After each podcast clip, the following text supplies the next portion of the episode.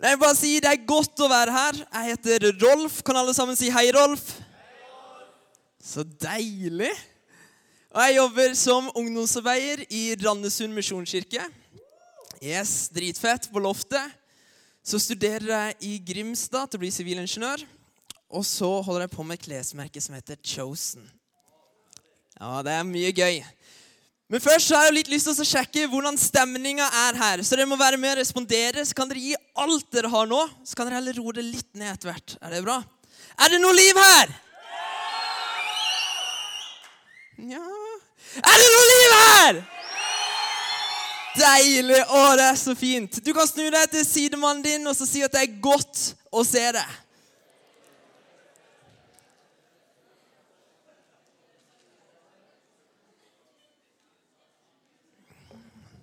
Og så kan du snu deg til han andre som du av en eller annen grunn avviste, som var kleint. Og så sier du at du ser fresh ut i dag.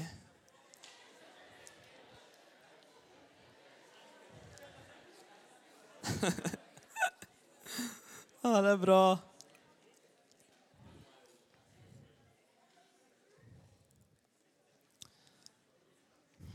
Er det noen av dere som kjenner på den følelsen man har når man blir litt sånn ekstra svett? Man blir litt sånn ekstra rød, man blir litt sånn der eh, Ja, litt skjelven. Av og til skulle jeg ønske at jeg hadde en sånn knapp jeg kunne trykke på, og så plutselig zup, så må man vekke. Eller at man fikk sånn Supermann-krefter som bare kunne ture gjennom taket. Yes, jeg snakker om det å drite seg ut. Kanskje har du vært i bilen din med crushet ditt. Sant? Du har vært en lang kveld, du har holdt inne fisen litt for lenge. Det gjør vondt i magen. Alle vet hva jeg snakker om. Alle vet akkurat hva jeg snakker om. Og så håper du at du skal liksom slippe en sånn stille som ikke lukter, og det som skjer, er at det smeller og det stinker hele bilen, og du bare dreit deg skikkelig ut. Det er en sånn klassiker. Eller at man går for en sånn high five, og så skjer de andre fist bump, og det er bare sånn Nei. There's no return. Det blir bare kleint. Jeg hadde en sånn opplevelse for ikke så veldig lenge siden. Vi i Chosen hadde akkurat eh, åpna butikk på Sørlandssenteret. Jeg har med en som heter Johan Skretting. Vi var, hadde hatt en kopp kaffe sammen. Og så Jeg var veldig gira. Når jeg blir gira, så gjør jeg dumme ting. Sånn er det bare. Og så går vi ut liksom, og har hatt en kopp kaffe. Det er liksom god stemning, vi er glade. Og så ser jeg denne karen som er sikker på at det er Kjetil. Yes, det er Kjetil. Han var lenge siden jeg hadde sett. Liksom, vi hadde vært på flere turer sammen. Han liksom hadde jobba med min far. Så liksom, vi hadde sånn god stemning. Så jeg løper bort til han, liksom vir ut armene mine, skal til å gi han den klemmen. Og så idet jeg liksom nærmer meg skinnet hans, så merker jeg at noe er ekstremt galt. Han ser rundt i rommet som leter et sånn skjult kamera. Den ser helt forskrekka ut. Og det er da jeg skjønner det. Det der er ikke Kjetil. Der står jeg midt på Sørlandssenteret, klemmer en tilfeldig mann og blir bare så sinnssykt klein. Og meg som er rødtopp, ble jeg bare liksom enda rødere og visste ikke hva jeg skulle gjøre. Og det ble litt den der eh, Jeg kunne kanskje redda meg med også liksom sagt at eh, du, sorry, liksom, jeg dreit meg. Vi trodde du var en annen. Men det jeg gjorde, var jo selvfølgelig bare sa 'Godt å se deg, vi snakkes', og så bare peisa jeg av gårde. Det var bare superkleint. Hele den dagen så gikk jeg på senteret og håpte 'Vær snill, ikke møt meg igjen'. Smatt inn på en undertøysbutikk en gang når jeg trodde jeg så han. Det var også ganske kleint. Men jeg tror at det å drite seg ut er noe vi alle kan kjenne oss igjen i. Vi har liksom disse vittige historiene, de som er gøye, som bare er litt sånn lættis, sånn som dette. Man kan stå nå og bare ha-ha, det er gøy. Og alle vi har gjort et eller annet sånt. Men så tror jeg òg vi kan kjenne på den følelsen av å snuble. Det å drite seg ut på en annen måte. Det å skuffe seg selv og det å skuffe andre. Det at du hadde bestemt at det var sånn jeg ville leve, men så plutselig så snubler du. Eller at du bestemte deg for at det var en kamp du sto i, at nå skal jeg komme meg ut av dette her. Og så plutselig så er du tilbake igjen. Men det jeg har lyst til å si, og dette tror jeg med dypet av mitt hjerte, og det er det at Jesus er her i kveld. Og jeg tror at der han er, der er det håp. For han er den eneste som kan forvandle noe vondt nå til noe godt nå. Han er den som kan ta den historien som er ditt nederlag, og gjøre det om til en seiershistorie. Der det går fra se hva jeg gikk gjennom, og så plutselig står det 'se hva Gud gjorde gjennom det'. For det er han vi tror på. Hvis det er én ting jeg vil dere skal huske i kveld, om dere skal sitte på Instagram eller Snap resten av kvelden, så bare husk denne setninga. Jesus står alltid med åpne armer. Jesus står alltid med åpne armer. Vi skal ta oss og lese en, eh, en bibeltekst sammen. Og Det som er bakgrunnen for denne teksten, er det at Jesus blir liksom spurt av fariserene. Det var liksom de som visste alt, som kunne mye om teksten. Og var litt sånn der, eh, spurte Jesus hvorfor henger du med alle disse dårlige folkene. Det er egentlig det han ble spurt for. Han gikk med tollere, han gikk med syndere. Så ble Jesus spurt om det. Og så Istedenfor å bare gi et sånn skikkelig bam-svar, så svarer han med noe enda mer bam. Han kommer med en lignelse som heter 'Den bortkomne sønn'. Vi kan ta oss og lese den sammen først, så jeg får til den. Nydelig. Jesus sa, en mann hadde to sønner. Den yngste sa til faren, 'Far, gi meg den delen av formuen som faller på meg.' Han skiftet da sin eiendom mellom dem. Ikke mange dager etter solgte den yngste sønnen alt sitt og dro til et land langt borte. Der sløste han bort formuen sin i et vilt liv.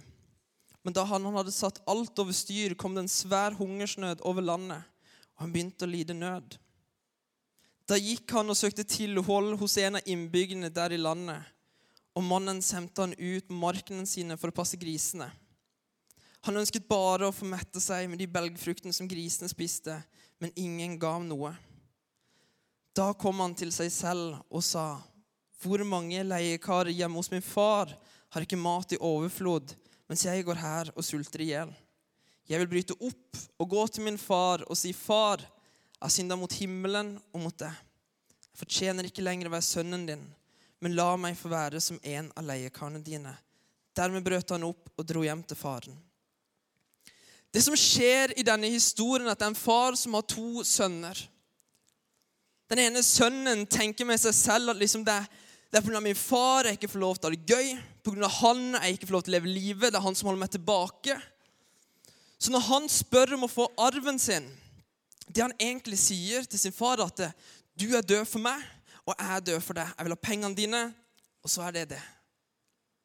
Så får han det. Han reiser rundt og lever et liksom vilt liv. Det er liksom Ibiza-stemning. Det er liksom helt i taket. Han har sikkert damene han ville ha, han har drikka, han ville ha liksom maten, og alle gutta er der. Han tenkte sikkert det at Yes, det var det jeg visste. Min far holdt meg tilbake. Dette er det å leve livet. Jeg visste det. Så går det en liten tid, og så har han brukt opp alle disse pengene. Plutselig er damene de er vekke. Maten og drikken han kunne kose seg med, de har han ikke lenger. Kompisene er også vekke, for hva har vel han å gi nå? Han har ingenting. Så står det at han, han har lyst til å spise det samme som grisene spiste. Og Det høres kanskje litt sprøtt ut for oss, men bare for å male et bilde, så er det litt det samme som at du hadde fått lov til å jobbe på fiskeri, og du fikk ikke lov til å spise fisken, men du fikk lov til å spise innvollene. Mm. Dere ble sultne nå, ikke sant? Oh yes. Eller at du jobber liksom med kloakken, og du får ikke lov til å ha lunsj, men du får lov til å skrape liksom fettet i rørene. Liksom, det fikk du lov til å spise. Og det var så håpløst. Men så står det at han kom til seg selv. Han kom til seg selv. Og han tenkte liksom det er alle disse tjenerne hjemme hos min far. De har jo mat i overflod. De, har liksom, de blir behandla bra. Jeg får nok ikke lov til å være sønn lenger, men kanskje, bare kanskje, får jeg lov til å komme hjem og være som en av tjenerne. Jeg tipper han var redd. Jeg tipper han var skamfull. Jeg er ganske sikker på at han kjente på den følelsen at ja, jeg er ikke god nok. Der har jeg sagt til min far at det, liksom, du er død for meg, vi ikke ha noen ting med deg å gjøre. Bare gi meg pengene dine. Og så har han gått og gjort alle de tingene faren sa han ikke skulle gjøre plutselig vil han komme tilbake. Jeg er ganske sikker på at han var redd for hva kommer faren til å si. Hva kommer til å skje? Hvis vi går videre til neste Dermed brøt han opp og dro hjem til faren. Da han ennå var langt borte, fikk faren se han. Han fikk inderlig medfølelse med han. Han løp sønnen i møte, kastet seg om halsen på han og kysset han. Sønnen sa, 'Far, jeg har synda mot himmelen og mot deg.' 'Jeg fortjener ikke lenger å være sønnen din.' Men faren sa til tjenerne sine, 'Skynd dere, finn fram de fineste klærne og ta dem på ham.' 'Gi han ring på fingeren og sko på føttene, og hent gjøkalven og slakt dem.' 'Så vil vi spise og holde fest.' For denne sønnen min var død og er blitt levende. Han var kommet bort og er funnet igjen. Og så begynte festen og gleden. Denne historien her gir ikke mening. Den er ikke logisk, den er ikke rettferdig. Hvis det hadde vært opp til meg, så ville jo jeg tenkt at det er naturlig når denne sønnen kommer hjem, som egentlig har sagt til sin far at jeg vil ikke ha noe med deg å gjøre lenger, du er ferdig Det har liksom noe naturlig for meg vært liksom, Sett deg der i fem måneder, tenk på hva du har gjort, og så kanskje kan du bli tjener igjen. Eller at faren hadde sagt ja, du avviste meg, da avviser jeg deg nå. Men hva er det faren gjør? Han løper han i møte. På den tida så var det sånn at verdige menn de skulle ikke løpe. Du mista din verdighet hvis du ble sett løpe. Men når den faren så sønnen sin, så dreit han i hva alle andre tenkte. Og han bare løp. Han bare løp sønnen i møte, kasta seg rundt han, klemte han og kyssa han på kinnet. Og Hvor lang tid tror du det gikk før han plutselig sto på dansegulvet, dansegulvet med sin far? liksom, De sto og rava, står det. De sto ikke rava, men det sto at de var og dansa. Jeg tipper det var skikkelig som G's Love Selectro var på, og det var god stemning. Det gir ikke mening. Det er ikke rettferdig. Men i denne historien så er den sønnen, det er meg. Den sønnen det er det. Vi har snubla, vi har gjort feil. Vi har ikke fått ting til. Vi har drept oss ut. Men så frykter jeg at altfor ofte så stopper vi den historien rett før det står 'da kom han til seg selv'. Jeg frykter at altfor ofte så tenker vi bare på at ja, men jeg er ikke god nok. Hvordan kan Gud elske meg? Hva har jeg å komme med? Hadde han visst mine dypeste sår, så hadde han aldri ville hatt noe med meg å gjøre. Jeg er ikke god nok. Jeg er ikke kristen nok. Jeg klarer ikke å be høyt som de andre. Jeg klarer ikke å rekke hånda mi som høyt som de andre. Jeg er ikke så snill som de andre. Jeg frykter at altfor ofte stopper vi der. For du har kanskje aldri bedt faren din om å få arven, men du kan kjenne deg sikker på den følelsen av å være redd av å komme til Jesus av og til. Den følelsen av å være skamfull. Men Jesus står alltid med armene åpne. For skal jeg si deg noe som er like ekstremt som den faren som løp sønnen imot. Det er Guds nåde for deg.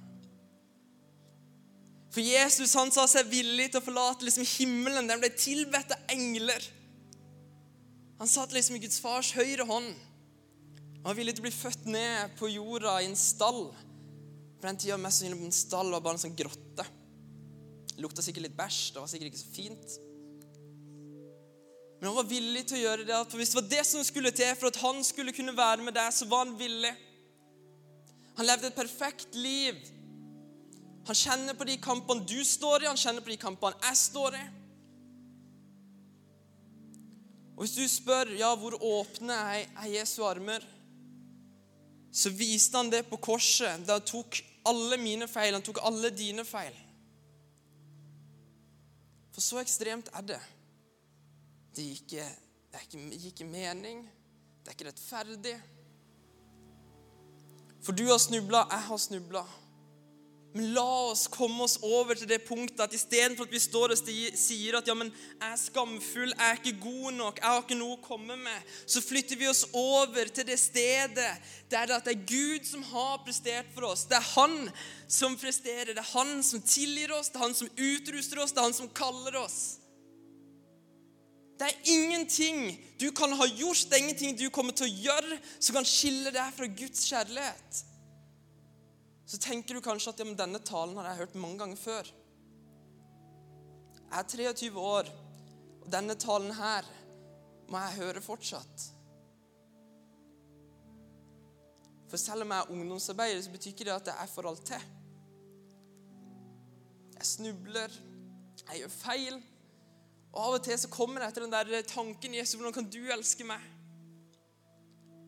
Men så må jeg bare minne meg på det. At det er jeg er ikke elska for mine prestasjoner, jeg er ikke elska for hva jeg kan gjøre, men jeg er elska for hvem jeg er. Og det samme er det med deg også.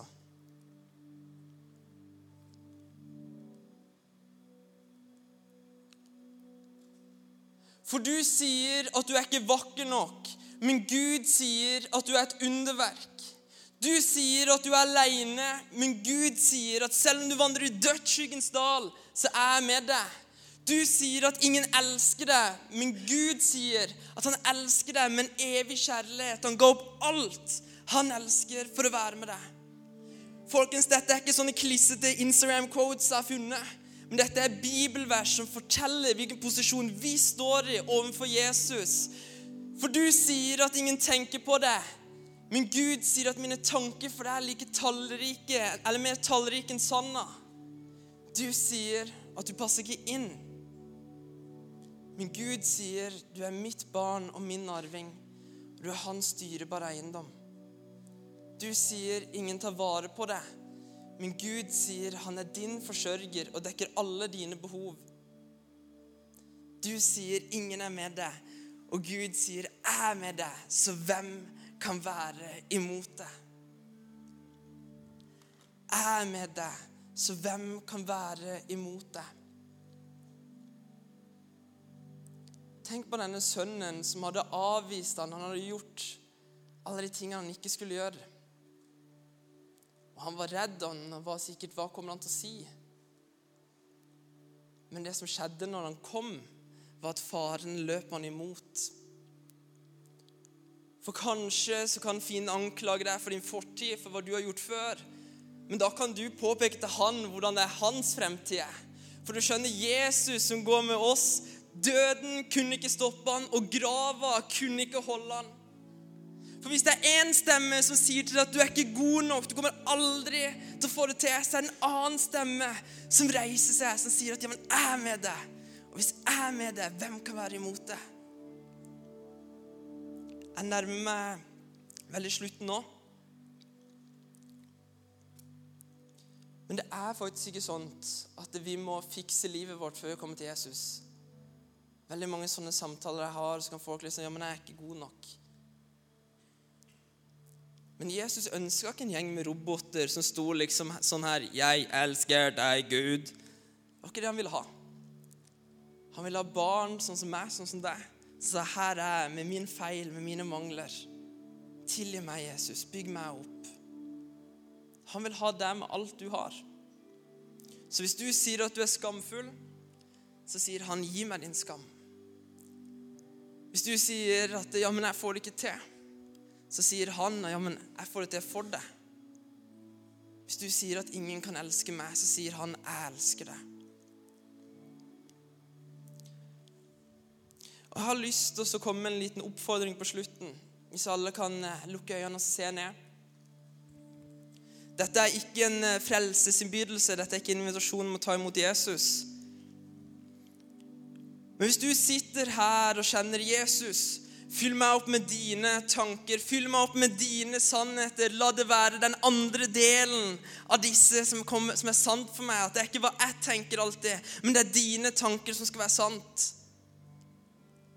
Hjelp meg til å faktisk være den som kommer deg imot, og la du løpe mot meg, Jesus. Erstatt løgnen med sannheten. Jeg kommer til å telle ned til tre.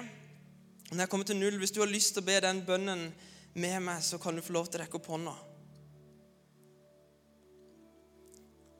Tre. Takk, Jesus, for at du elsker oss. To. Takk for at du har kalt oss, for at du har utrusta oss. Én. Takk for at du elsker oss selv når vi driter oss ut, selv når vi ikke får det til. Så elsker du oss, Jesus. Null. Og du kan rekke opp hånda. Masse hender som går opp. Det er masse hender som går opp. Du kan ta ned etter du har rekt den opp. Mm. Det er øyeblikk som dette som forandrer oss. Der vi sier, 'Jesus, her er med mine feil og mine mangler.' Fyll meg opp med det du har å komme med. Det er det som forandrer alt. Jeg kan lukke øynene og så se opp igjen, så vil jeg ta en bønn. Jesus, jeg takker deg for at du er den som står med åpne armer. For at du er den som elsker oss med en kjærlighet så stor at det er ingen, det er ingen ord som er verdig til å beskrive den engang. Jesus, jeg ber om at du må fylle oss opp med dine tanker, med dine sannheter. Ta vekk vår synd, ta vekk vår skam. Takk for at du tilgir oss. Takk for at når vi snubler, så er du den som løfter oss opp. Takk for at du elsker oss ikke for hva vi gjør, men for hvem vi er. Amen.